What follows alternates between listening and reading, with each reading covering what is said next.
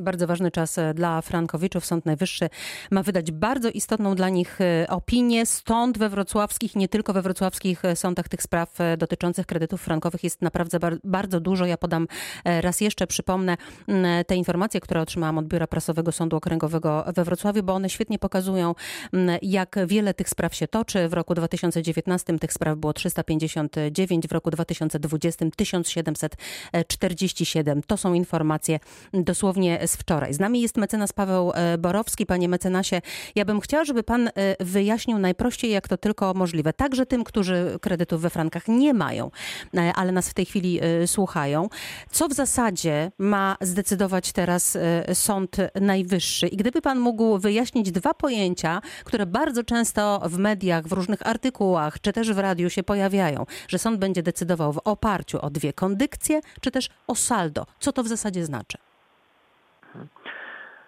Generalnie 25 marca ma zostać wydała, wydana uchwała Sądu Najwyższego, która będzie wydana przez pełny skład Izby Cywilnej e, tego sądu, czyli będzie to możliwie najbardziej doniosłe orzeczenie w skali kraju.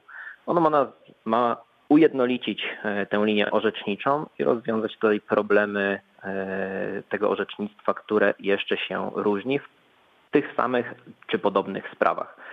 I tak, sąd, y, pierwszy prezes tego Sądu Najwyższego zadał sześć pytań, które ta uchwała ma y, rozwiązywać. W pierwszym pytaniu ma być ustalone, czy te klauzule niedozwolone, jeżeli sąd ustali, że w tych umowach są klauzule niedozwolone dotyczące ustalania tych kursów w tabelach przez banki, to czy te klauzule niedozwolone można zastąpić przepisami dy dyspozytywnymi lub zwyczajem. Co to znaczy? I... Bo to bardzo skomplikowanie brzmi.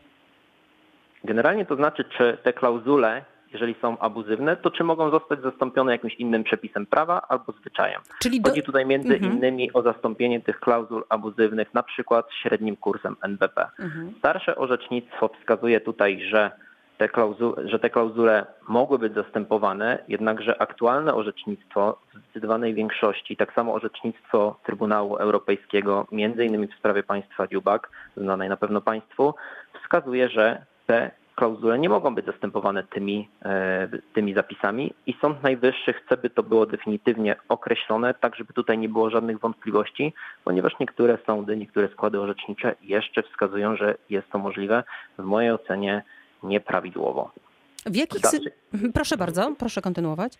W dalszej kolejności, jeżeli by sąd uznał, że nie można zastąpić tych klauzul abuzywnych tymi przepisami dyspozytywnymi, czyli jakimiś innymi przepisami prawa albo zwyczajem, to pytanie, czy te umowy bez tych klauzul abuzywnych, które są bezskuteczne względem kredytobiorców, to czy te klauzule abuzywne, y, przepraszam, czy te umowy mogą wiązać w pozostałym zakresie, czyli mhm. czy można te umowy wykonywać bez tych klauzul abuzywnych, mhm. zarówno w przypadku kredytu indeksowanego, jak i kredytu denominowanego.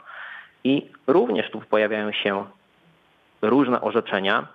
We wcześniejszej fazie tych sporów sądowych y, w większości uważano, że mogą być te, zwłaszcza w przypadku kredytu indeksowanego w mniejszym zakresie E, w przypadku kredytu denominowanego, że mogą być te umowy wykonywane bez tych e, klauzul.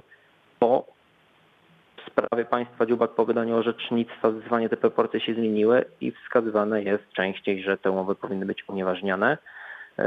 E, polega to tutaj między innymi na rozróżnieniu roszczenia o ustalenie nieważności umowy i drugiego roszczenia o tak zwane odfrankowienie, czyli o pozostawienie właśnie tej umowy bez tych klauzul abuzywnych i wykonywanie jej dalej jako umowy złotówkowej, jednakże z oprocentowaniem charakterystycznym dla mm. umów kredytów frankowych. A jak pan sądzi, a jak pan sądzi, w e, którą stronę e, bardziej może przychylić się e, sąd?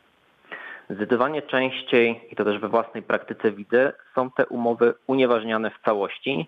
To roszczenie odfrankowienie w mojej ocenie powinno zniknąć w związku z tym, że bez tych klauzul abuzywnych, bez tych klauzul przeliczeniowych, indeksacyjnych czy denominacyjnych tych umów nie da się wykonywać. Zmienia się też e, charakterystyka takiej umowy. Bez tych klauzul te umowy zwyczajnie nie byłyby zawarte, bo to z nimi wiąże się właśnie to ryzyko walutowe i wprowadzenie do tych umów niższego oprocentowania. Czyli bez tych klauzul abuzywnych tego niższego oprocentowania by nie było.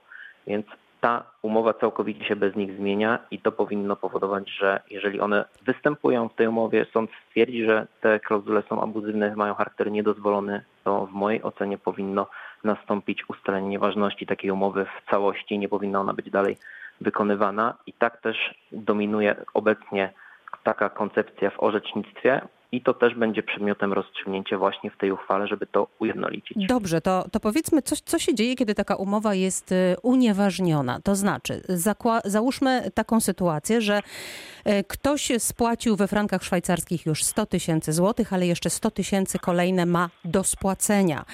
W ramach tego samego oczywiście y, kredytu. Sąd dzisiaj unieważnia, zakładajmy, tę umowę i co się może w życiu tego kredytobiorcy i i, i, historii spłacania jego kredytu wydarzyć. Jak to będzie dalej wyglądało?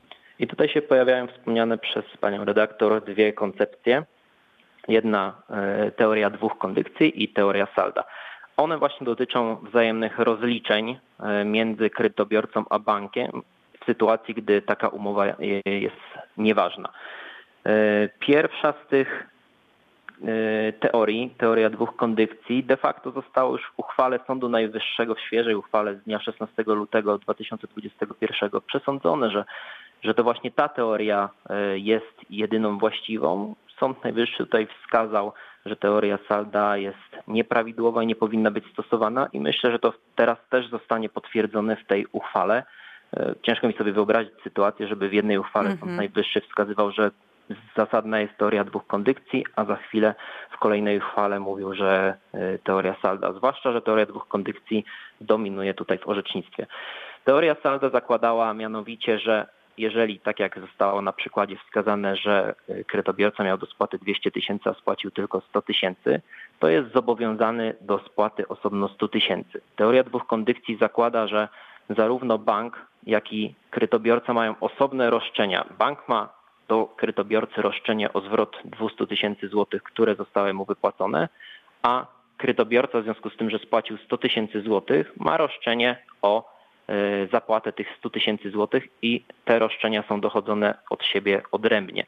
One nie wiążą się ze sobą, mogą być po ustaleniu nieważności potrącone przez oświadczenie stron do wysokości tej niższej wierzytelności. Panie mecenasie, w jakiej sytuacji e, Frankowicze po tej decyzji Sądu Najwyższego po 25 marca mogą przegrać taką sprawę? Zakładając, że mają te klauzule abuzywne, czyli klauzule niedozwolone.